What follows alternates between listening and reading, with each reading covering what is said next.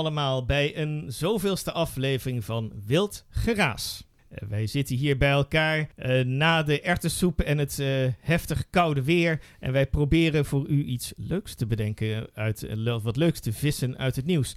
En een van de eerste dingen die misschien wel aardig is, een redelijke amusementswaarde heeft, is juist iets waar wij ook ernstig nieuws over hebben gehad. De, de onderdrukking van een zogenaamde, ja, een soort operettekoep van de Rijksburger. Daar blijkt iemand bij te zijn die eh, heeft het goed bekeken. Die is eh, in zijn vorige leven heette die Peter Fietsek. En die heeft zichzelf eh, nu benoemd tot Peter de Eerste. Koning, absoluut koning van een, een stukje Duitsland. Hij noemt dat dan ook Königreich Duitsland. En die heeft daar 5000 mensen verzameld. Die eh, hebben daar hun, hun eigen geld, hun eigen vlag. Ze hebben hun eigen, hun eigen paspoort. Er blijven natuurlijk wel Duitsers, dus er moet natuurlijk wel een Ausweis bij komen. Dat is heel duidelijk. En deze man is, eh, geloof ik, niet gearresteerd onder de Rijksburger. Maar hij heeft dus gewoon een, een, een eigen koninkrijkje ingericht. En dat is eh, wel de weg, volgens sommigen, die wij moeten gaan. Dat wij een eigen, een eigen groep, een eigen, zeg, een eigen zuil opbouwen, eh, zeg maar. Maar deze was dus wel eh, buitengewoon succesvol. Met, met 5000 mensen die hij eh, verzameld heeft onder zijn hoede. En die dus gewoon accepteren dat ze hem koning Peter eh, mogen noemen. Dus ik zou zeggen, ga zo voort en laten wij dit, eh, dit voorbeeld gewoon volgen. Meneer Vierling, wanneer, waar zou u uw koninkrijk willen eh, vestigen? Heeft u daar al over nagedacht? Ja, Pontius Pilatus vroeg aan Jezus waar zijn koninkrijk dan wel niet was. En die zei dat het niet op aarde was. Correct. En toen dacht ik, nou, dat is verstandig, want het is hier zo'n zooitje. In ieder geval Ja. is het ook niet beter geworden nadat hij eh, hier was. Dus eh, ik zou wel een koninkrijk willen hebben. Ja, Op de een Bahama's. Nee, maar op een, een planeetje voor Een mezelf. planeetje voor jezelf. Zo, Ja, zoals- en dat je dan eh, met eh, zo'n ruimteveer kunt bepalen wie wel of niet Ja. daar mag. en welke ruimteveer moet neerstorten terwijl ze onderweg zijn, zeg maar. Nee, dat, dat, dat is eh dilettant gedoe als je dat zo... je kunt toch eh, immigratie goed regelen. Ik weet precies. Oh, hier, hier lukt dat niet erg in ja, omdat ze begrepen. 40 jaar geleden ook al niet naar me luisterden. Oh Eh, ja, dus, Dus, het is heel goed te regelen in, in één dag. En, en, en, en de, ik ken heel veel landen op de aardbol die dat ook zo doen. Dus helemaal hoef je dus niet voor op een planeet te zitten. Oké, maar de, een, een eigen planeetje dus. En, en zijn er andere mensen die denken zo van... nou, waar zal ik mijn koninkrijkje eens stichten? Maar hoe communiceer je met je onderdanen? Als je, die zitten ook op die planeet waarschijnlijk. Sinds wanneer moet je on- communiceren met je onderdanen? Nou ja, Goeie je moet vraag. wel vertellen wat ze moeten doen natuurlijk. Hè? Oh ja, maar voor mij is communiceren altijd in twee, twee richtingen. nou, dat is mij anders niet echt opgevallen hoor... in de meeste gesprekken die ik gevoerd heb. Alfred, ik, Ik word, niet altijd, word niet altijd begrepen. Ah, dat zou Maar, het zijn. ehm, U bent onbegrepen, zullen we maar zeggen. Ja, O- ik zou, Onbegrepen koning op zijn eigen planeet. nou ja, ik zou wel een aantal verplichte lessen communicatiewetenschappen instellen bij de, voor, de, voor de onderdanen. Ja, en moeten ze dan ook inburgeringscursussen volgen als ze op uw planeet aankomen? Ja. Dat is heel moeilijk, want een inburgeringscursus veronderstelt dat er natuurlijk al een gemeenschap is. Dus als je... Ja, maar we hebben een leidersfiguur, dus dat is toch voldoende, zou ik zeggen. Het leidersprincipe. Ja, maar ik ben de burger niet. Dus als ze zich aan mij moeten aanpassen, heeft een burger inburgeringscursus geen zin. Oké, eh, eh, het ideaal is geen burger eh, te zijn, zeg maar. Nee, nee, nee. Nee, want een burger is een kritisch burger, die moet je natuurlijk niet hebben. Oké, ja, nee, dat is waar. Je moet eigenlijk gewoon mensen hebben die doen wat je zegt. Maar... eh, En daar, en daar gelukkig bij zijn. Ni- niks hebben en gewoon gelukkig, ik en geloof gelukkig zijn. Dat klinkt naar een bepaalde slogan die ik wel vaker hoor uitspreken door, door een andere Duitser, geloof ik. En dan hebben we het niet over eh, eh, die man met de bloksnor, maar dan hebben we het over Klaus, eh, Klaus Schwab, hè, geloof ik. Ja, ja. Maar ik heb inderdaad die Rijksburgers in Duitsland. Dat is één, eh, zeg maar, eh, misschien wel een antwoord op, de, op het slechte beleid in Duitsland. Ik heb ook wel eens wat gelezen en gezien over de, eh, dat heet de Anastasia-beweging. Anastasia. Dat eh, komt vanuit een roman. eh, die eh, vrouw aan, heet Anastasia Ja. uit Rusland. ja. En ehm, die... Een ehm, verloren groothertogin toevallig, want die liepen er nogal veel rond na de Russische revolutie, zeg maar. Dat weet ik even niet meer. Maar het, zij ehm, spiegelt voor dat je terug naar de natuur moet. Dus Mhm. terug naar, de, ja, naar een eigen kleine gemeenschap opbouwen. Oké. En dat, is, dat heeft een zekere populariteit wel in Duitsland. Dus er zijn wel... Ja, die. Duitsers, dat zijn van die bosneukers. Hè. Maar Dat is waarom heet ze dan? Heet ze dan Anastasia? De op, op, op, Opstanding? de opstandige. Ze moet Nee, Kata. Katastasia Nee. heten. Het is, het is, Anastasia heeft te maken met de opstanding, dus dat wil zeggen hè, de opstanding van Jezus en zo. Noem maar, ik Ja. noem maar een, dwarspra- een dwarsstraat. Niet de opstandige, dat, is, dat ben jij, zeg maar. Dat nou, is- het lijkt me hetzelfde. Jezus was toch ook een opstandeling? Nee, Ja, maar ze heet natuurlijk Katastasia. Ze moet terug naar beneden, naar het aardse. Oh, helemaal, de, helemaal de grond in, zeg maar. Zo van lekkere modderbaden nemen en zo. Heb je dat wel eens gedaan, modderbaden nemen? Een Daar le- dat, modderbad? Wat- een modderbad, ken je dat niet? Dat is heel goed voor de huid, schijnt. Doen varkens ook, dus. Ja, Maar- doen andere varkens ook alle, Alfred. Maar ehm, dat Zie je was... wel, daarom moet je geen inspraak hebben op zo'n planeet. Nee, maar die Anastasia-beweging, net als de Rijksburgerbeweging, eh, beweging, dat is wel natuurlijk een voorbeeld van hoe, je, hoe in Duitsland ehm, eh, mensen wegen zoeken om onder die grip van een, eh, ja, van, de staat, uit, van de te staat komen. uit te komen. ja. Nou, in dat opzicht is het natuurlijk voor ons ook wel misschien een inspiratiebron. Hoewel ik mijzelf niet zo gauw in Berenveld door de bossen zie rennen. Hoewel, misschien ook eigenlijk wel.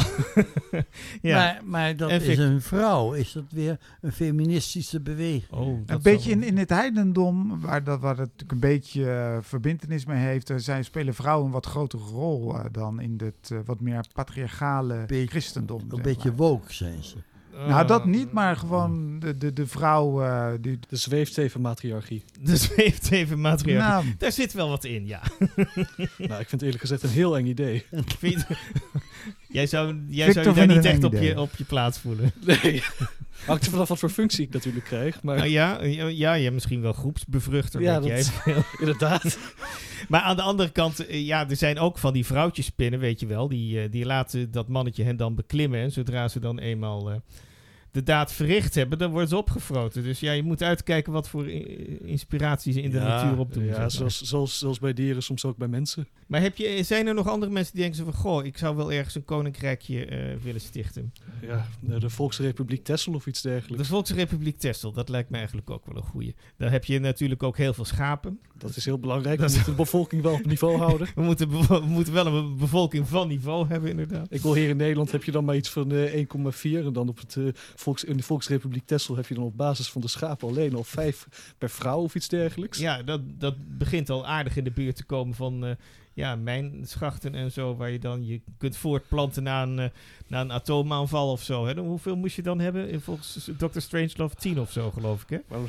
With a ratio of let's say 10 females to each male, Ja, I would guess we would wo- work our way back up to the present day gross national product in let's say 20 years. nou, dat lijkt me wel een goe- een goede inslag. En die moeten natuurlijk ook bepaalde, hoe zou ik het zeggen, bepaalde kenmerken hebben, die vrouwen dan. Ja. Ja, die hoog stimulerend zijn. Hoog stimulerend, oké. Nou, ik, ik zie alleen maar voordelen van de Volksrepubliek Texel, eerlijk gezegd. Ik wil, ja, eigenlijk is die Duitse koning dan wel redelijk kuis eigenlijk. Ik, wil- ik, weet, ik weet niet hoe ze dat verder doen. Het klinkt eigenlijk alleen maar een beetje ja, als een projectje om belasting te ontduiken. En om een Oh. beetje te larpen in het proces. Dat zou kunnen. Ja. Maar ja, hier alleen al in zo'n klein gesprek kun je op zoveel nieuwe leuke ideeën komen. Over wat je wel niet in je eigen staat kan toevoegen. Maar eh, eh, de, de hele saga rond eh, Kanye West gaat gewoon door, heb ik begrepen. Het is, ik heb nu weer gelezen dat er vijf Joodse groeperingen zijn. Die, onder andere die, de ADL, de Anti-Defamation League en de Southern Poverty Law Center en zo. Die hebben gevraagd dat tech-platforms en zo, en dat ze eh, invloedrijke mensen, influencers noemen ze dat, dat ze geen interviews meer doen met J, zoals hij dat eh, nu heet. Ja, ik weet het niet hoor. Op een, een of andere manier lijkt het alsof hij eh, nu monddood wordt gemaakt. En, en, en daar klaagde hij juist over dat hij, mond, dat hij niks mocht zeggen. Dus het is allemaal toch een beetje eh merkwaardig. Nou, nee hoor, want eh, Nee? het hele punt is juist... Hij, werd, hij, hij voelde zich al monddood gemaakt. Dus ja, wat maakt er nog verder uit om zich aan enige vorm van regels te houden dan? Oké, maar waarom voelde hij zich monddood gemaakt door bepaalde Joodse organisaties? En die, gooien, hem- die proberen hem nu van allerlei platforms af te halen. Ik weet niet hoe, eh, hoe overtuigend dan hun argumenten nog zijn tegen hem. Oh, en nu we het toch over eh, Joodse organisaties hebben. Hier hebben we Jordan Peterson. En die heeft een, heeft een heel mooi citaat. Hij zegt van ja, ik was in New York en toen waren een paar, eh, paar New Yorkers, typische New Yorkers kennelijk. En die, eh, die liepen op hem toe en die zeiden van ja, ik noem u gewoon een rabbi, want dat is gewoon zo, zo bijzonder wat u allemaal brengt en zo. En toen barstte hij weer in huilen uit. Ik bedoel, dat eigenlijk wel... wat kan hij anders? wat- ja, inderdaad, ja. Waarom wordt hij als, want het gaat denk ik om een rabbijn, dus dat is iemand van een Joodse geestelijke. Waarom wordt hij daar, ehm,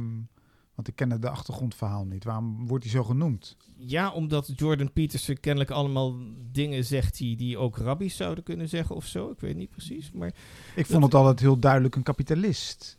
Dus hij ging wel echt, het enige doel was wel om veel geld te vergaren. En dat is dan allemaal wel zo een beetje positief ook. Nee, nee, nee. Jordan idee. Peterson die, die, die bracht allemaal verhalen die toch wel, ja... Hoe zou ik het zeggen? eh, een beetje zelfhulpboeken waren. Hè? Nee, nee, Dus- nee, maar dat, eh, uiteraard, dat was ook heel interessant. eh, maar ik had een beetje zijn achtergrond, zijn, zijn wereldbeeld, dat dat meer in het kapitalisme te vinden is dan ehm, in een soort Nee, ging- of... Ja, eh, nee, maar het ging hem, hem om de krabben, zeg maar. Ja, e- economie is überhaupt niet een van zijn sterke punten. Ik herinner me nog van een paar jaar geleden, toen deed hij een, ja, een, een debat met Slavoj Zizek. En toen, eh, ja, zijn voorbereiding was om met Slavoj Zizek te gaan eh, debatteren. Was ja, ik heb het communistisch manifesto gelezen en nu ga ik het tegenover jou, Slavoj, ga ik dat proberen te ontkrachten en zo. En uiteindelijk, ja, ging het gesprek helemaal de andere kant op. Mm. En zat Pietersen maar een beetje, ja, een beetje benullig erbij. Terwijl uiteindelijk, zoals ja, wat, wat wij eh, meer links kunnen zien, eh Slavoj Zizek, die bracht eigenlijk veel meer belangrijke punten op. Dat, dat is dan een beetje serieus. Maar ik bedoel, Jordan Peterson is toch degene van de krabben... Dat is toch de krabbenman? zeg Nee, maar? van de kreefjes. Oh, krab of kreeft? Ik weet niet wat het Ja, verschil lop, is. lobsters en Kreeft. kreefjes. Oh, oké. kre- kreeft, zeg maar. En die kreeften die eh, zitten in een emmer en die proberen elkaar naar beneden te halen, toch? Om Nee, nee, nee. Ze, ze- Hoe- maken hoe op de dan? zeebodem hebben ze allemaal van die kuilen en zo. Maak ze En ze- kuilen. ja, ja, ik maak en- ook en wel eens ze- een kuil. ze Als- zijn En te- op het strand, Duitsers maken ook kuilen. ze maar, zijn ja. territoriaal erover, dus ze, ze vechten met elkaar. En ja, Ja. op basis daarvan dat vergelijkt hij een beetje met mensen hoe het dan in het, het winnen en het verliezen, hoe dat omgaat in het brein van, eh, van een kreeft en zo. Oké, en dat dus mensen heel depressief worden als ze een gevecht verliezen of zo. zo Ja, toch? Net als, Zoiets. eh, net als kreeftjes, zeg hij. Net, net als kreeftjes, oké, goed. Maar eh, ja, kennelijk heeft eh, Jordan Peterson ook heel wat gevechten verloren, want die zat zelf helemaal onder, onder de middelen, zullen we maar zeggen. En nu die daarvan af is, wordt Ja, de, het gro- de grote goeroe. de grote We groep. moeten echt een voorbeeld aan hem nemen, goed naar hem luisteren. Ja, goed. Nee, die- hij heeft ook een boek geschreven, hè, 12 eh, regels voor het leven. En eh, ja, zijn dochter is vooral heel interessant, heb ik begrepen, toch? Ja, dat is eh, Dat is... echt, echt een heks. Ik wil als je... dat- nou, nou, een heks, zo ziet ze er niet uit, hè? Ze ziet er eh, dat is best... een knap, knappe blonde Misschien iets vrouw voor jou, maar ik denk niet Ja. dat je erover goed kan oordelen. Nou, Dus- nou, nou, nou, kom zeg. In het algemeen kan ik best over vrouwen oordelen, zeg maar. Ik kan best oordelen of ze een leuke Nou, jurk dat aan oordeel heeft laat jou nu alleen in de steek. Oh, oké. Heeft ze geen leuke jurk aan dan? Nee, dat, dat, ze, ze heeft, vaak heeft ze helemaal niks aan. helemaal niets aan. Oké. Maar de, Jordan Peterson als denker, als origineel denker... Hij is niet origineel. Oké, eigentijds origineel denker. Nee, nee, nee. Eh, nee. Dat is niet. hij echt alleen, niet. alleen, nou, maar goed, hoe kan hij dan dat hij zo'n enorm eh, Ja, publiek dat is heeft wat anders. aangesproken? En- Dat is ja, gewoon het audiovisueel medium via YouTube en dat soort dingen is populair geworden. Maar qua materiaal en zo. Ja, ik, eh, ik neem Jung en ik neem Campbell en dan ga ik Disney films analyseren. En dan heb ik allemaal van die jonge mensen die in hun jeugd Disney films hebben gekeken. En die zijn zo van, oh god, ik kan eindelijk mijn jeugd met zinloze entertainment kan ik eindelijk wat betekenis geven ermee. Precies, ja. ja dan nou, hij, dat, meer dan betekenis. Hij had dat toch wel het idee om jongeren te wijzen op wat ze, eh, waardoor ze stil blijven staan in het leven en om ze een, ja, ja, paar they stappen verder up, te zeg helpen. maar. They should man up. ja. Ja, ja, ja, Ja. dat is typisch, eh, typisch Jordan Peterson. Hij wil dus Nou, dat, dat, vrouw, dat mannen, de, hè, hij sprak vooral jonge mannen aan en dan zei hij zo van ja, je moet je niet laten afleiden, je moet gewoon een goed mens zijn en eh, goed voor eh, jezelf goed opbouwen, zodat je aantrekkelijk wordt voor vrouwen en zo, dat soort zaken. Dat, ja, dat je ver- verantwoording nemen. eh, Ja, ja, je- je, dat je- is- je, dat leven in, in, het Ja, hand, in de handen nemen. Ja. Nou ja, dat is toch... eh. Dat is heel erg conservative, zeg maar. Dat, dan, dan weet je niet eh, hoe het leven werkelijk in elkaar zit, heb ik het idee. Maar goed. What's your penis, bucko? nou, your penis?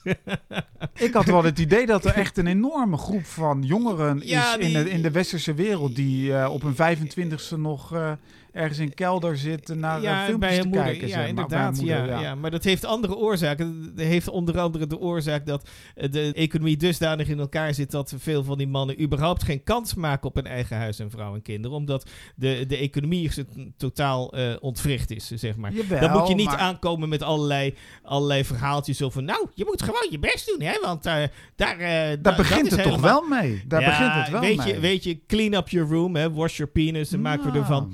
Ja. Ja, sorry hoor, eh, eh, dat zijn geen echte oplossingen. Het is niet alleen maar... Het is wel een stap vooruit, denk ik. Mm, Jordan Peterson concentreert zich alleen maar op het individu zonder dat hij kijkt naar de maatschappelijke eh, instituties. En Ja. dat is dus dat conser- conservatieve. Ja, je moet gewoon jezelf eh, optrekken aan your bootstraps. Wat is dat in het Nederland? Hè, Ja, maar je hoeft toch ook niet één eh, filosoof te lezen? Nee, De, dus- je- hij, hij geeft gewoon wat, wat handva handvaten. Vatten. vatten. Vatten, vaten. Ja, nee, maar Voor, Jordan, ehm, ja, maar ja. Jordan Peterson heeft dus eh, zelf uitdrukkelijk gezegd dat het zijn het doel was om jonge mannen weg te houden bij eh, het enge extreem rechts, zeg maar. Dat hij dus hen eh, in een eh conservative vaarwater probeert te houden. Dus het is eigenlijk, Jordan Peterson is een soort klassiek woord gecontroleerde oppositie om te zorgen dat jonge mannen niet echt disaffected raken. Ik weet niet hoe je dat zegt in het Nederlands.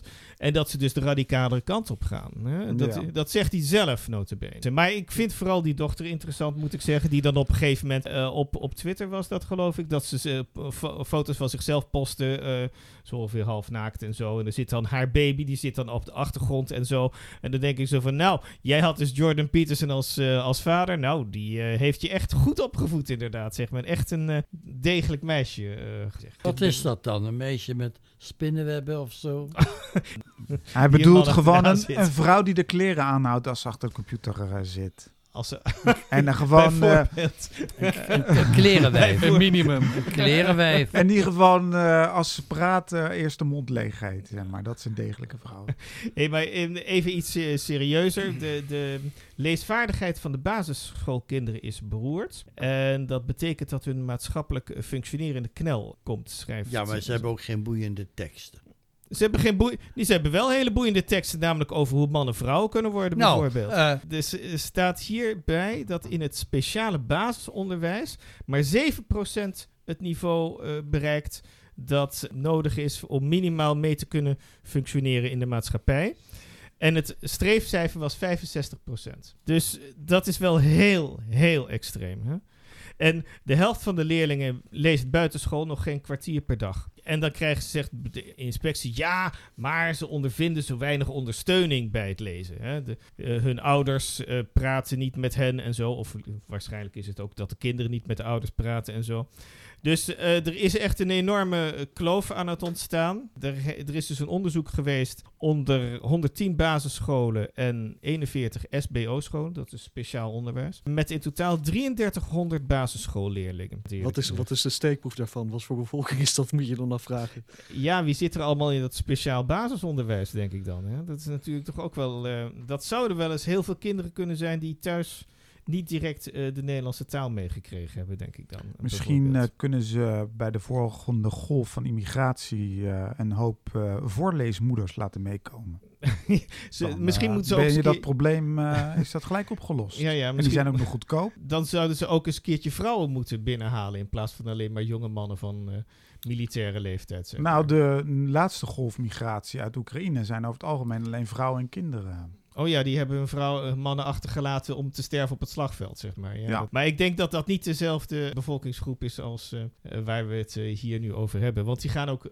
Die, veel Oekraïense vluchtelingen keren ook terug, hè, tot grote teleurstelling van eh, veel van die eh, asielorganisaties. die zeggen, ja, maar het is nog helemaal niet veilig genoeg hoor, om terug te gaan naar, eh, naar Oekraïne. En in het kader van het beter leren lezen gaan ze nu in, in Amsterdam een proef doen. En dat gaat natuurlijk helemaal geweldig zijn. Dat ze zogenaamde vluchtelingen gaan inzetten voor het lerarentekort. Eh, want ja, het, gaat, het, het maakt niet uit wie er voor de klas staat. Als er maar iemand voor de klas staat natuurlijk. Want Nou, dan hebben we nu tenminste wel geleerd wat het woord wanhopig betekent.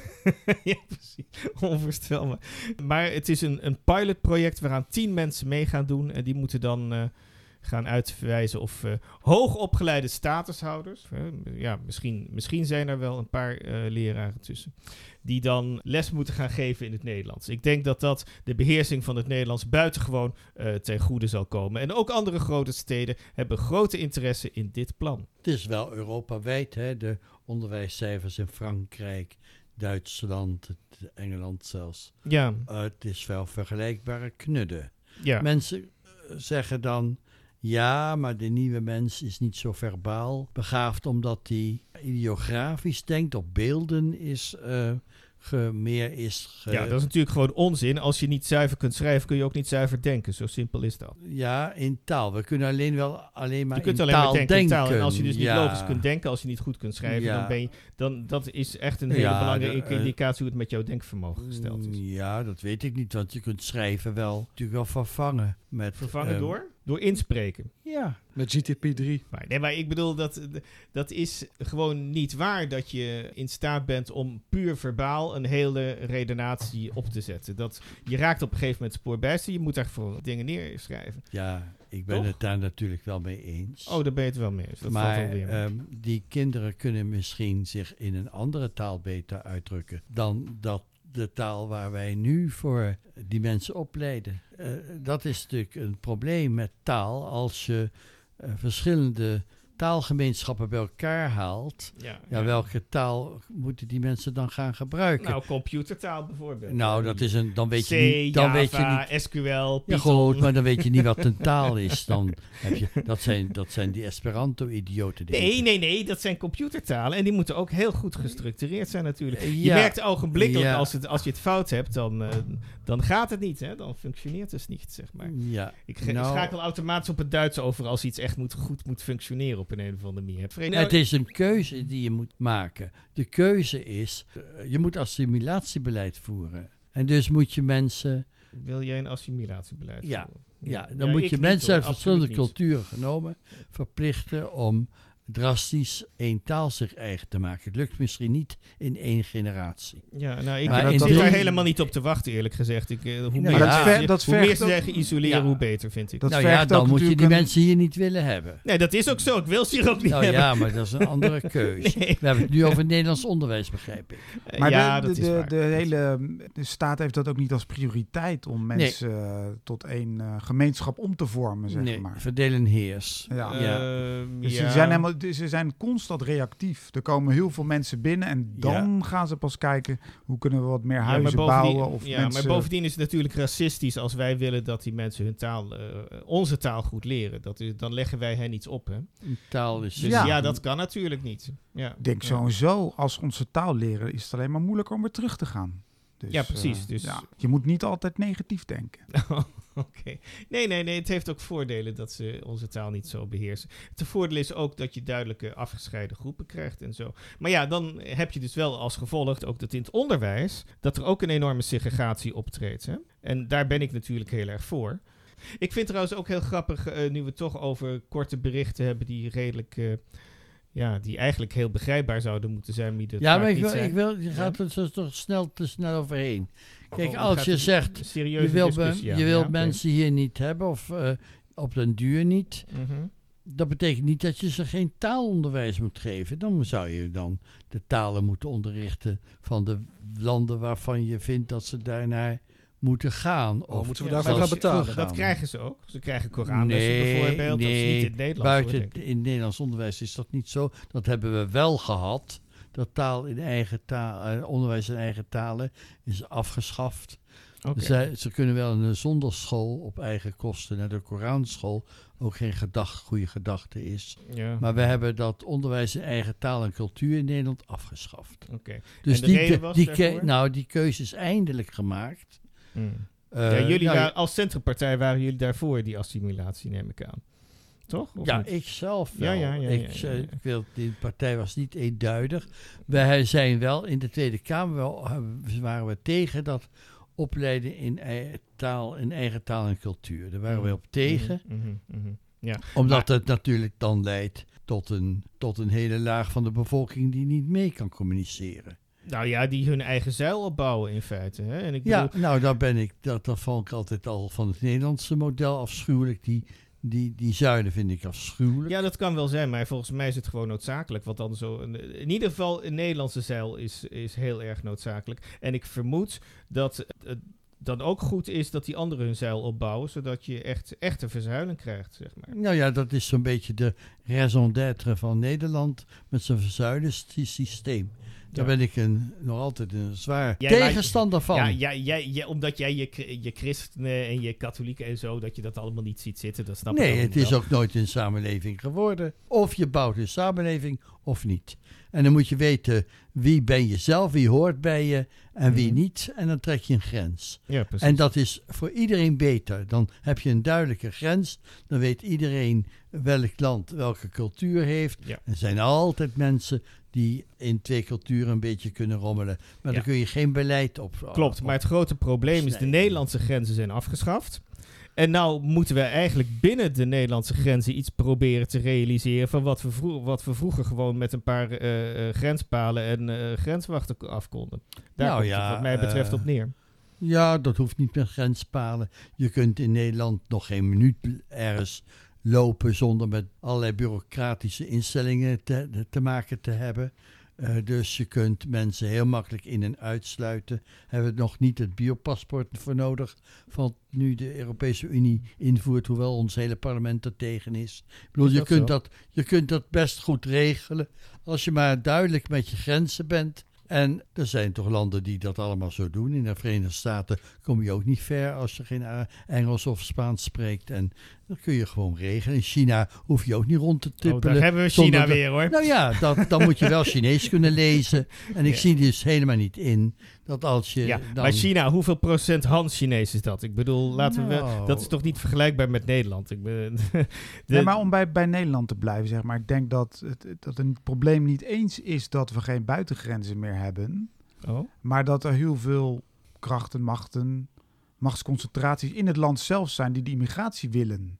Dus denk aan die asielindustrie, maar ook het bedrijfsleven. mm. En als die natuurlijk machtiger zijn dan de, de staat, ja, dan, dan krijg je... Ja, maar jij is- doet nu net alsof de staat tegenover het bedrijfsleven staat, maar dat is helemaal niet zo. Het is één grote kluwe geworden. Dat, Ja, is, dat is maar- ook het grote probleem eigenlijk. Ja, maar Ja, hij of- duidt wel op een... eh, er zijn belangengroeperingen eh, die er belang bij hebben dat mensen eh, niet de nationale taal leren. Hè? De tolken alleen al en de hele... eh, Ja, ja, ja. nou we, ja. we hebben een hele re- regiment tolken dat eh, Ja, het binnenhof ja, heeft bezet. Ja, en de dat regering hebben- nu dwingt ja, dat Rutte wij. met het mes op de keel, ja, zeg maar. dat hebben wij ja, zeker. dan gaan we hebben een hele etnische industrie.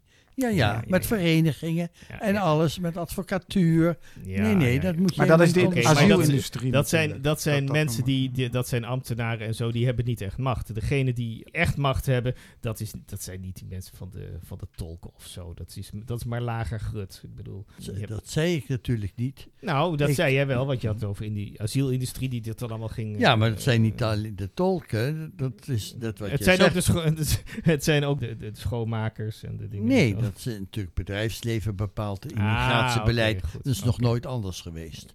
Dus, eh, Mm, dat is nou, nog nooit ik, anders ik, geweest. ik herinner mij toch wel een bepaalde periode in de geschiedenis waarbij de politiek gewoon bepaalde wat het bedrijfsleven moest doen in plaats van andersom. In Nederland? Waar was dat ooit in Nederland? In welke periode was dat ooit in Nederland? Ja, dat is, eh, ja het is Wel, toch in nog de niet tijd zo heel van de lang. Republiek met de VOC? Het was toch niet, nog niet zo heel lang geleden. geloof Nou, heel lang Nou, geleden. denk- Weet je wanneer dat was? Ik zal je herinneren.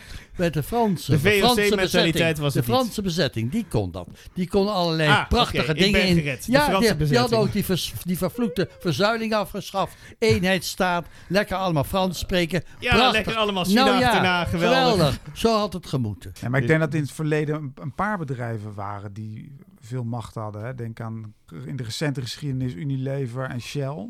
Maar toch niet eh, het gehele bedrijfsleven. Dat, Ja, maar dat je hebt, het, als je, het over, je hebt het over het grootkapitaal. Dus Jawel, oké. maar ik ben niet, niet per se mee eens dat het bedrijfsleven... eh, Het is niet, nog nooit zo erg geweest als nu. Nu stelt de staat eigenlijk niks meer voor. En die functionarissen die er Nou ja, die, na, na die luisteren Thatcher- naar op, opricht, eh, opdrachten Ja. van elders. Dat is heel duidelijk. Thatcher en Reagan is dat inderdaad dat bedrijfsleven nog een veel een grotere slag heeft gemaakt. Ja, maar hier, Ja. hebben we iets, hier hebben we iets aardigs van wat een groot bedrijf gedaan heeft. Namelijk eh, Elon Musk, die eh, Twitter heeft eh, opgekocht. Die eh, zegt nu dat de originele blauwe vinkjes, hè, waar, de, waar de New York Times en zo zo trots op was dat ze die hadden. Hè, want dan, eerst was het eigenlijk gewoon alleen maar een bevestiging dat je inderdaad was wie je voorgaf dat je zei. Maar het was op een gegeven moment echt een, een brevet van, eh, ja, van goedkeuring. En eh, Musk die heeft aangekondigd zo van ja, eh, iedereen kan een eh, blauw vinkje kopen voor 8 euro per maand. En nu heeft hij ook aangekondigd de oorspronkelijke blauwe vinkjes, als mensen die betalen, die, eh, die gaan gewoon verdwijnen. Dus iedereen klaagt steen en been dat ze hun mooie onderscheidsteken gaan eh, verliezen. De- de- wat dat betreft, Musk voert een heel, ja, een heel wazig beleid op een, een of andere manier, heb ik het idee. Eh, wat is jullie indruk? Nou, ik ga straks als ik thuis ben gelijk zo'n vinkje kopen. Dat is Ja, mijn heb je dat ervoor over? Voor, Voor geen 8 euro is geen geld voor de bevestiging dat je erbij hoort. Oké, nee, dat is toch een koopje, zou ik Ja, zo het is een zeggen. koopje. Het koopje om, om zeg maar sociaal krediet te kopen. Want daar, dat is het in feite, hè? Oh. sociaal krediet. Nou, of als je het zo negatief eh Nee, het is dan, helemaal eh, niet negatief. Want ik bedoel, eh, sociaal krediet is wel heel erg nuttig, eh, toch? Of niet? Ja. Maar er is ook een, eh, iets anders uitgelekt van, ehm, van Elon Musk. Een audio-opname schijnt het. En die heeft gezegd van... ehm, eh, hij had een zoon. En dat blijkt nu ineens een dochter te zijn, zeg maar. En ehm, Dat Vinkje eraf. Ging een vinkje af. er ging wat af, zeg maar. Ik weet niet wel. Ja, je kunt het vergelijken met een vinkje misschien. maar Ik weet niet precies. Maar ja. Dus eh, en, eh, Elon Musk die zou dus gezegd hebben: zo van ja, dat eh, marxistisch eh, eh, schoften. dat die zijn zoon hebben eh, afgenomen. En eh, dat, dat, dat zou dan een reden zijn voor hem om, eh, om te proberen, zeg maar, die ideologen kapot te maken. En, op, en dan ook Twitter te kopen en zo, dat soort dingen. Dat zou wel een aardige inkijkje geven Omdat in hij zijn. zo niet meer kan masturberen. Masker. Nou, ja. nou, nee, dan weet jij wel heel erg weinig van vrouwen, Alfred. Want Oh. ja, dan zou je moeten weten dat ook vrouwen in staat zijn Oh, via ja? bepaalde handelingen tot een zekere genoegdoening te komen. Ja, dat weet je. Ja, ja, echt waar. Dat, ik, ik weet, Kunnen ik die vertel je iets vrouwen nieuws. dat zonder man? En die, die kunnen dat zelfs zonder man. Die kunnen het Maar zelfs waarom... ze, ze, schreven zelfs dat ze het zelfs beter, veel beter kunnen eh, dan een man. Hè? Ik bedoel, er zijn een vrouw die schrijft dan eh, eh, boeken als zo van, of eh, zegt dan dingen zo van, ja, een vrouw heeft een man nodig, zoals een fiets, nee, zoals een vis een fiets nodig heeft. Klinkt wel fishy hoor. Ik, Klinkt wel.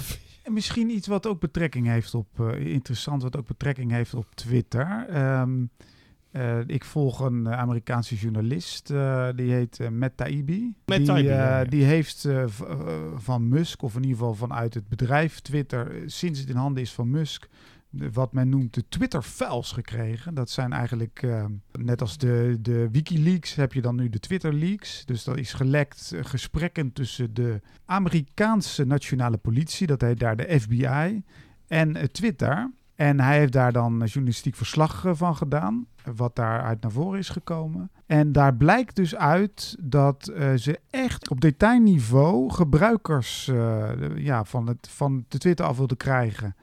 Ja, en ook, ehm, zo, ja, dat al dat soort dingen. Ja, Ja, ja, ja. En ook, en hij heeft ook een, dra- een draadje geschreven waarin er dan gewoon grapjes worden gemaakt. En die, dan vraagt de FBI echt of die gebruikers eh, kunnen worden. Verwijderd. En ze die- en die grappen maken die grapjes. niet, eh, die niet kunnen, Ja, zeg maar. Ja, Nou ja, we weten natuurlijk wel dat eh, gebrek aan humor is, een bepaal, is echt wel een kenmerk van die hele inquisitie. zeg Ja. maar. ja. nou moest ik zeggen, moest er zelf ook niet om lachen. Dus Oh. ik ben nou Het waren flauwe blij. grapjes. Nou, maar dan ben ik blij dat ze verwijderd zijn, want van flauwe grappen houden we niet natuurlijk. Misschien hebben ze daar een afdeling dat ze daar die grapjes. Flauwe grappen, zeg maar. Ja, ja, ja, ja. Die- Twee dronken mannen lopen samen over straat. Vraagt de een aan de ander: Mag ik in het midden lopen? dat is wel heel erg. Die wordt geschrapt, hè? Oh, die wordt echt geschrapt. Ja, ja, ja. Ik denk als de FBI zoiets hoort, dan. eh, Nee, nee, de- eigenlijk veel, do- doen ze eigenlijk wel eh, een goede, goede taak. Je leest trouwens ook de laatste tijd heel veel over ehm wiedergoedmachung hè, voor, de, voor de slavernij en zo. Weet je. Nou, dan krijg ik nog heel veel geld. dan krijg ik nog heel veel geld. krijg jij nog heel veel geld. Ja. Nee, het gaat hier over zwarte. En ik denk dan ook dat... nou, ja, juist. Ik ga, ik, ga het ook over. ik ga maar aandelen kopen in KFC, denk ik, of zo. Of, eh, en dat soort zaken. Dat lijkt me wel Sportschoenen. Hele leven, kom geleden. Al die zilveren eh, dekseltjes van die melkflesjes vroeger naar Afrika gestuurd. Ja, maar Ah, de- de- allemaal ja, dacht in je, de dacht je corruptie dat ze daar lekker van konden eten of zo? Op nee, een ze zijn elkaar, weet ik veel, ze hebben het land niet opgebouwd van dat zilverpapier. Ja, maar Er zat heel veel energie in. Jij ook zo met je gierige S. Ja, want er, er was een mevrouw, gierige ass, hè, daar had ze het over. Wat was het ook alweer? Compensatie en het slavernijverleden ging dat over. Oh ja, ja, ja, dat ging ook over het slavernijverleden. En wat we dan allemaal zouden moeten... Even kijken. Seyada Noor Hussen. Leidse naam, geloof ik. Dat, en zij, zij, zij, eh, beweert, ja, mening van witte mensen over slavernij is irrelevant. We moeten ze gewoon geld geven. Wat ben je nou helemaal belazerd? Ah. Of, of wij daar enigszins iets over te zeggen hebben, dat is natuurlijk gewoon bullshit. Hè? Dus, eh, Nou, Nou, toen ik die discussie hoorde, toen heb ik die twee slaven vrijgelaten bij mij thuis. toen dacht ik wel van, eh, ja, die hebben ze wel een punt. Hoeveel Nou, brengt dat nog op tegenwoordig? Nou bedoel- zijn ze werkloos, die slaven. Nou ja, misschien kun je ze aanbieden als zwarte piet. Oh nee, dat kan tegenwoordig ook niet meer op een, een of andere manier. Maar goed, de, zij noemt zich een schrijver en een journalist. Ik had nog nooit van dat mens gehoord. En eh, ze zegt dat de argumentatie tegen dat excuses aanbieden, dat is racistisch. Als jij je verzet, terwijl wij jou emotioneel aan het afpersen zijn, dan ben jij gewoon een racist. Ja, ik Ja. zou toch wel weer een keer, eh, gewoon uit interesse, een keer kijken naar welke groep valt hier nou voor, zeg maar. Want is natuurlijk... Op wie valt denk- de hoofdprijs? Nee, zeg nee, nee, maar wie, En wat hebben ze gewonnen? wie is het? Want ze chanteren iemand. Eh, eh, eh, de- nou, ze chanteren ons, het collectief. ja, zeg maar wij, natuurlijk gewone werkende mensen, die denken van wat een onzin. Maar er Ja, is maar- echt een groep die dit hoort en die denkt, nou, ik zat op mijn gierige S. en dat had ik eigenlijk niet op moeten gaan zitten, want er moet geld eh, overgemaakt worden. Dus maar ja, misschien is het niet een kwestie van chanteren, maar van charmeren. Bedoel, Charmeren? ja, Ben- denk je dat ik gecharmeerd ben nou, van er zo'n... zijn, nou ja, er zijn waarschijnlijk toch ook mannen die wel Die gedomineerd op willen zo'n worden. zwarte slavin. Ja. een dominatrix. Ja, ik weet het niet. Maar ze heeft het echt. Hè, al de, ze zegt echt van dat gelul over straks moeten belasting betalen. eh, de- dat doen. Ja, dat is racistisch. As fuck. Dus, eh, zegt ze Ik dacht altijd dat het een geweldige tijd was, die slavernij. Nou ja, ja Ja, zeker verkeerde boeken gelezen. Ik denk Dat- het ook. Ja. Ja, maar eh, nog belangrijker vind ik eigenlijk... Kijk, dan hebben ze de dag van de afschaffing van de slavernij. En dan verwacht ik eigenlijk cadeautjes van al die mensen... van die, die, die slaven hadden als voorouders. Want Ja. ik bedoel, dankzij dat feit... hebben zij nu eh, toegang tot het Rijke Westen, zeg maar. Zij In zomaar Nederland was het houden van slaven altijd verboden. Oh, behalve voor een bepaalde groep in- die wij van niet zullen de noemen. slaven, eh, eh, vervoerders die, in Amsterdam wel Ja, woonden. ja, maar die gaan wij niet noemen, die groep. En dat- die- Het is die eh, groep die uit Portugal en Spanje hier. Ja, in de ja, 16 die, en ja, die, zeg maar een soort migra ook zelf een soort migranten en zo. Ja. Rare Ja. jongens, die Iberiërs. Ja, hele rare jongens, die Iberiërs, al die Ja, medeblanken. en dat die leveren werkelijk- burgemeesters die dan een slavenmonument eh inzegenen. Oh, oké. Ah. Dat- Nee, maar ik bedoel, denk er eens over na. Wij hebben dus die slavernij afgeschaft. Niemand anders was daarop gekomen. Alleen de blanken hebben dat bedacht. Ze hebben er zware oorlogen voor gevoerd. Amerika zelfs een hele zware burgeroorlog. Dus eigenlijk verwacht ik uitgebreide bedankzeggingen aan ons. Ik vind het ook Ja. te betwijfelen of het zo goed gedachte was om het af te schaffen. Nou bedoel, ja, Je kunt ook iets eh, moduleren. Je, je hoeft toch niet radicaal, en alles wat radicaal moet je zo oorlogen vervoeren. Je, Ja. had, je, had, je had het toch ook anders kunnen noemen. Ja, ja nou, dat, het is ook nu anders genoemd. Vrijwilligerswerk. Nee, maar die mensen later die dan in zogenaamd in loondienst hadden, die hadden het vaak veel slechter dan de slaven. Ja. Dus wat dat betreft eh, Maar- heeft meneer Vierling eigenlijk wel een punt, hè? Ik denk dat het trieste natuurlijk wel is van... er is nog heel veel slavernij in de wereld. En ehm, Ja, maar ja, ja, daar- dat wordt dan, dat wordt dan zo over. weggepoetst. Ja, Door die is achterlijke. waar, hè, want het, en bovendien... in Afrika. We en hebben zo. zelfs in Oost-Europa hele volkeren die heten dan slaven. Hoe Ja. kwam dat? Nou. Omdat ze tot slaaf zijn gemaakt. Oh, dat zijn de echte tot slaaf gemaakten, zeg ja, maar. Ja, en namelijk door wie? Daar is een heel rijk van geweest. Hè? Ja, Van meneer Otto. Als je een beetje met de woorden gaat spelen... dan zou ik daar nog aan toe willen voegen... dat er ook veel verslaafden tegenwoordig zijn. Zeker. Ja, dat is ook een eh, groot maatschappelijk probleem. Ja, Ja, ja, verslaafden aan de vergoedingen voor de slavernij. Nee, slaven. Nee, nee, nee, nee, nee, van die pillen weet je wel en dat soort zaken. Ja, je kunt ook verslaafd aan zijn, aan- zijn aan inter- internet, hè? Ja. Ik bedoel, dat is... En aan subsidies. Of aan Ik ken Oh, heel daar veel subsidieverslaafden. komt weer zo'n echt, komt weer eh, zo'n echt VVD-argument. Ja, Ja. ze liggen aan het, eh aan Ja. het subsidie-infuus. Ja. Ja, Dat- inderdaad, aan het infuus. Ja, nou, want dat, dat, dat, zoveel geld als daar naartoe gaat. Hè, ja, nou geef ik toe dat een infuus tegenwoordig ook zo veilig niet meer is met al dat covid-bloed. Oh. Maar eh, Heb nou je, ja. Jij wilt geen COVID-bloed. Zou jij, als jij een, eh, een ongeluk zou krijgen, wat God verhoede natuurlijk, hè? Alfred, je bent eh, heel geliefd natuurlijk. En het dan zou komen zomaar ze kunnen. met hun eh, injectie vervuilde bloed. Nou ja, bijvoorbeeld. Ja. Zou je het Eh. accepteren of niet? Ik, ik heb het ontdekt. Ik ben er gaan ontdekken. Ik denk, waarom vries ik mijn eigen bloed dan niet in? Maar dat kan niet. Hè? Dat kan niet. Nee, dat kan niet. Kijk, bloed bestaat uit plaatjes. Ja. Witte, geloof ik. En witte cellen, rode cellen, bloedplaatjes. Mhm. Maar die plaatjes die kun je dus maar een paar dagen goed houden.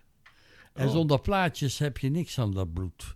Je, dus dat is... Maar wat doen ze dat dan bij de bloedbank? Dat snap ik niet. Ja, niet. Dat kunnen ze dus niet. Dus je krijgt altijd vervuild bloed van die lui. Dus de oplossing is, ik moet van mezelf een kloon laten maken en die in leven houden in mijn tuin. Oh, oké. Kloonslavernij. Een, een, een, Tot kloon gemaakt. ja, tot kloon gemaakt. Hoeft geen hoofd op te zitten. Oh, nee, geen dat, hoofd op dat, te dat zitten. weten we van jou. Dat, dat, dat hoofd is niet belangrijk, dat weten we. Ik ben bij het origineel is het soms ook niet aanwezig. Maar Nou, Kip zonder kop. dan heb ik Ja. eindelijk een oplossing. Kop. Ja. Nou ja, tegenwoordig kunnen ze ook allemaal eh, vlees laten groeien en zo. eh, kunstmatig toch, uit stamcellen en dat soort zaken. ja, maar je moet kunnen bewaren.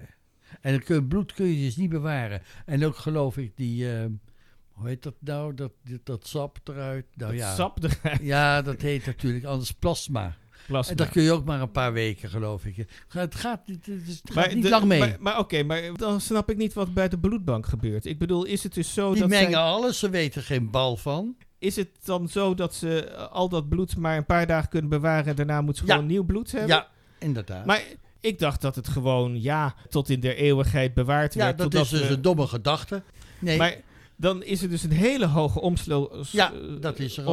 van bloed. ja, En wat doen ze dan met het oude bloed? Gooien ze dat er gewoon weg ja daar kun je misschien bloedworst van maken. Maar in of, ieder geval... Of hebben ze daar... Of hebben ze daar Jeetje, dat zou wat zijn. zeg. Nou ja, je hoeft er niet weg te gooien zonde. Ja, dat, dat is wel een heel Nederlands argument zonder weg. Bloedsoep. Bloedsoep hadden Nou, aardige we het er toch over hebben. vroeger, Ik ja. vind die orgaanhandel, wordt ook altijd zo druk over gemaakt. Nou ja...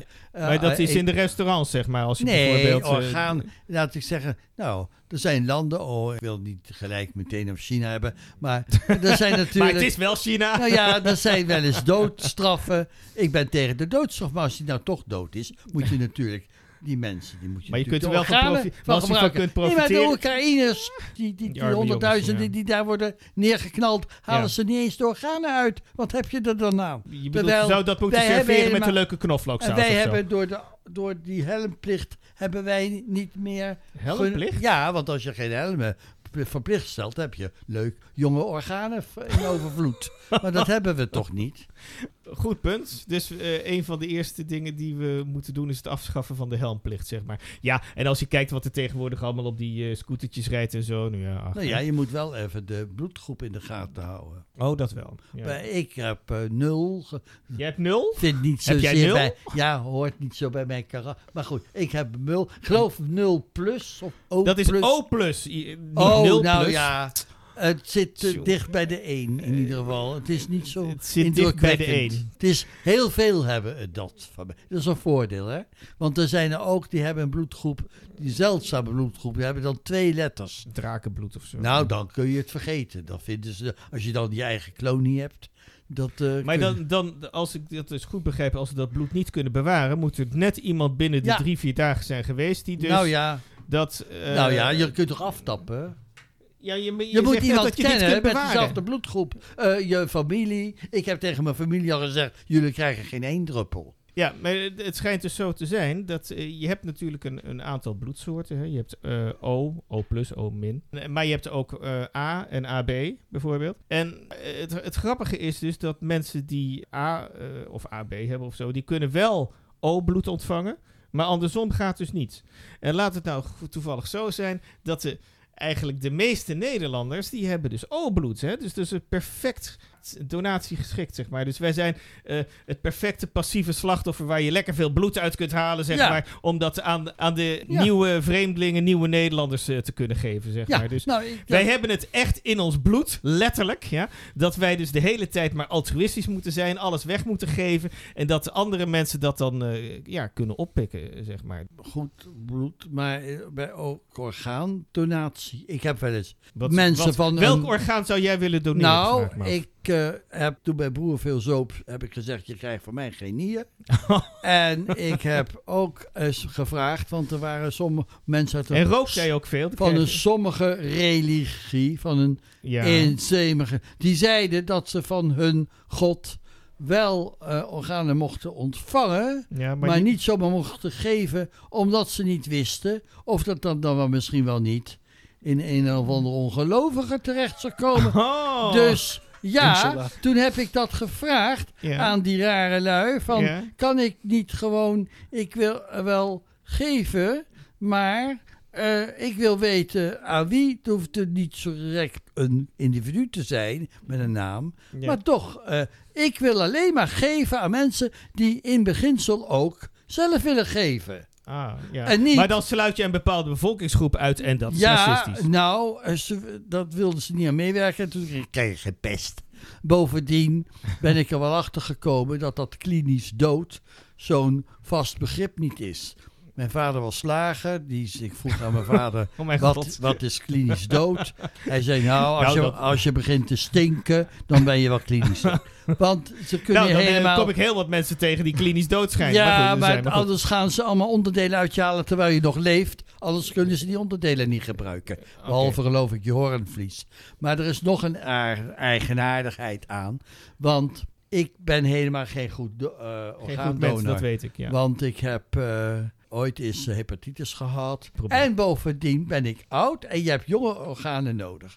Dus en dat is altijd de pest. De oudere mensen hebben organen nodig. en die jonge mensen verdomme het maar om dood te gaan. En die jongeren, verdomme, het om dood te gaan door die, doordat die helmplicht is ingevoerd. Dus dat past dan niet. Hier hebben we ook een, eh, een aardig artikel. Dat gaat over huisvesting. Zoals de meeste mensen wel weten, hebben wij redelijk eh, tekort aan huisvesting. Maar in Amsterdam hebben ze daar een eh, oplossing voor gevonden. Eh, ze hebben namelijk en heel veel woningzoekenden. En ook heel veel statushouders. Ja, statushouders vind ik zo'n zo'n eh, geweldig begrip. Ik wou dat ik zelf ook statushouder was. Hè. Dan had ik tenminste status voor, eh, voor deze regering dat ik misschien geholpen zou kunnen worden. Maar goed. En ehm, het is dus zo dat er een complex is opgezet waar aan de ene kant dus eh 50% studenten zitten en aan de andere kant 50% asielzoekers, zeg maar. Dat noemen ze dan statushouders. En eh, Amsterdam stopt die dus gewoon lekker bij elkaar. En nu zijn ze heel erg, eh, ja, verbaasd.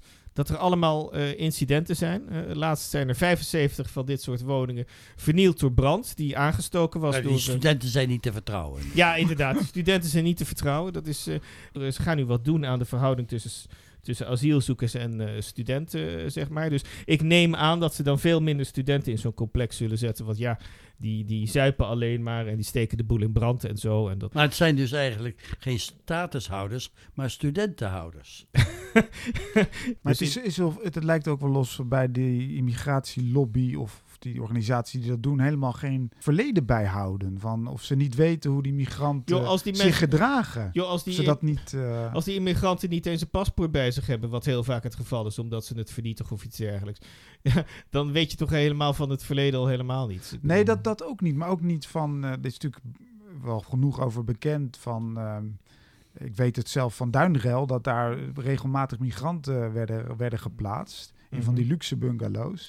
En die werden gewoon volledig kapot gemaakt. Ja, Volledig. ja, ja, En dat jaar op jaar. En die rekening ging dan natuurlijk naar het, het COA toe. ja. En die Ehm, maar dat, ja, als je natuurlijk daar dat niet onthoudt ergens, dan eh, krijg je ook de volgende keer weer hetzelfde gedoe Ja, natuurlijk. Maar de, de GroenLinks-wethouder die heeft wel gezegd over dat gemengde wonen dat er ook veel positieve effecten zijn. Want eh, eh, hij wijst daarbij op eh, het gegevenheid dat eh, div- de diversiteit van de wijken toeneemt. Ja, maar als je ook zelf je duinrel noemt, dan kun je van Romme Hommelens verwachten. We, we hebben in ieder geval eh, moord en doodslag, maar we hebben in ieder geval ook diversiteit en daar gaat het maar om. Nou ja, als dat natuurlijk een beleidsdoel was, Ja. dat diversiteit, dan kan, je, dan kan het natuurlijk geslaagd zijn.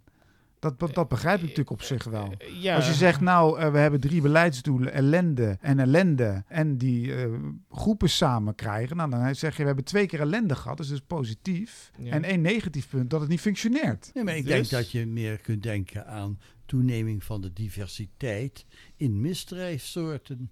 Oh ja, ja, je kunt telkens iets nieuws uitvinden natuurlijk. Ja, om, om daarbij op aan te sluiten, we hadden het net over rellen en over diversiteit. Nou, dat hebben we laatste week ook weer goed gezien met eh, het voetbal, Marokkanen. Voetbal is En- oorlog. Ja, inderdaad. Het, eh, letterlijk eigenlijk. Het is niet eens meer gewoon een bemiddeling dat je het, in plaats van dat je een normale oorlog gaat hebben, dat je dan op een veldje wat gaat lopen trappen tegen elkaar. Hmm. Nee, de laatste weken dus hebben we dus gewoon gezien dat het dan ook werkelijk oorlog wordt. Het is, Nou ja, maar het, het geeft dus aan dat dat brood en spelen heel goed werkt. Want als je dat vo- voetbal niet zou hebben, ja, wat dan? dan zouden er nog veel meer rellen zijn. Hoe weet je dat? Ja, omdat heb je een, nu, heb je een, nu, eh, nu redden ze gedaan? tenminste nog met voetbal als aanleiding. Dan kun je tenminste nog een beetje lokaliseren en zo. En anders wordt het gewoon een, Je weet een gewoon bepaalde dagen. burgeroorlog. Gewoon, je weet gewoon bepaalde dagen moet je gewoon incalculeren. Ja, zo van dat- dan hebben we dat, rellen. dat, zeg gaat, maar. dan, dat is de Ja. veiligheids... Ja. Maar het interessante, is, het interessante is, de, de Nederlandse overheid die dacht ze van dat de Marokkanen, want daar gaat het natuurlijk toch voornamelijk om eh, in deze, eh, eigenlijk alleen maar zouden rellen als eh, Marokko zou verliezen. Maar het blijkt dus dat ze dus ook prima kunnen rellen als Marokko wint. Dat is echt geen enkel probleem. Ze. En ja, in de pers wordt het dan afgedaan als ja, feestpartij, eh, mostly eh, peaceful eh, protesten, weet je wel, dat soort zaken. Dus het was eh, grotendeels vreedzaam. Ik heb het idee dat Alfred iets heeft vernomen van de juweliersvereniging. Dat er bijvoorbeeld vijf juweliers niet zijn overvallen, wat wel gebruikelijk is Oh. eh, op een bepaalde avond. En omdat ze dan de criminaliteit zich gewoon heeft verplaatst. Dus dat zou dan... eh, De diversiteit van de criminaliteit. ja, inderdaad, waar je al aan refereerde. Wij willen maar. diversiteit in de criminaliteit. Ja, De heren eh, criminelen hadden eventjes wat anders te doen die avond. Ja, over het stelen van dingen. Heeft iemand hier interesse om eh, NFT's van Trump te stelen? Want dat heel zijn NFT's? Wat zijn NFT's? fungible Nee, gewoon tokens. Dat zijn van die tokens. plaatjes, digitale plaatjes zijn dat. Oh, dus, dus eh, memes die je kunt stelen, zeg maar, zoiets, toch? ja. Pepe Ja, memes die je ja, kunt en dat stelen. had je dus laatste week met Trump. Die deed plotseling dan een aankondiging van... ja, Amerika heeft een superheld nodig. En ja, dan dachten mensen meteen zo van... ja, het was vast wel een of andere aankondiging... in verband tot eh, de volgende presidentsverkiezingen. Maar toen bleek het gewoon letterlijk te gaan over online trading cards... In plaats van echt eh, iets serieus. Met plaatjes van Trump erop. In de verschillende fases van zijn carrière. Of, in, bepa- of, ja, of gefotoshopt in dingen zoals een superheldenpak of zo. Oh, wat erg. Ik hoor alleen maar goede. Ik moet er denk ik even bij zeggen van eh, dit programma geeft geen financiële tips. Op basis van de gegeven kennis en informatie is het niet verstandig om in grote getalen aankopen te verrichten. Ja, nee. Ik vind het ook raar dat je ze dan moet kopen. Ik bedoel, eh, ik wil U niet vindt het raar altijd als er- over Men China. überhaupt iets moet kopen. Maar, maar in China hadden ze van die mouwspeltjes. Hè? Van die, ja, en- op, maar- de, op de mouwspeltjes ja, inderdaad. Ja. en die, dan kon je spelen met z'n van mouw erop. Daar waren toen van gemaakt... ah, moet je je voorstellen, er is ongeveer een miljard Chinezen. Maar er waren wel 4 miljard van die speltjes gemaakt. Mocht je er één zijn verloren, of nog erger op de grond hebben gekwakt, dan was er tenminste nog herstel mogelijk. ja, ik weet niet Eh, of... maar eh, dus ja, ik vind dit erg zuinige, zuinig aanbod, moet ik zeggen. en het was natuurlijk ook zo dat eh, hoe meer speltjes je had, hoe beter natuurlijk. Hè? Dus ik kan me voorstellen dat mensen als ze wilden laten zien hoe goed communistisch ze waren, hoe goed Maoïstisch, dat ze echt als een speldenkussen door de straat Nee, je mocht er maar één. Je, Je mocht moet- er maar één. Ja, want iedereen is Net als maar gelijk. één kind. Iedereen is gelijk. Je moet niet zo gulzig doen. Weet je, het is zo... Ja, Mao vond het ook niks. Nee. Die zei die Limpiao, ach, die, die, die, ach, die, die persoonlijkheidsverheerlijking, dat vond hij maar niks. Oh, dat vond hij helemaal niks, dat is duidelijk. Al die Zo portretten. bescheiden jongen was het. Zo bescheiden jongen. Daarom heeft die Limpiao ook weg, eh, weggeschoten.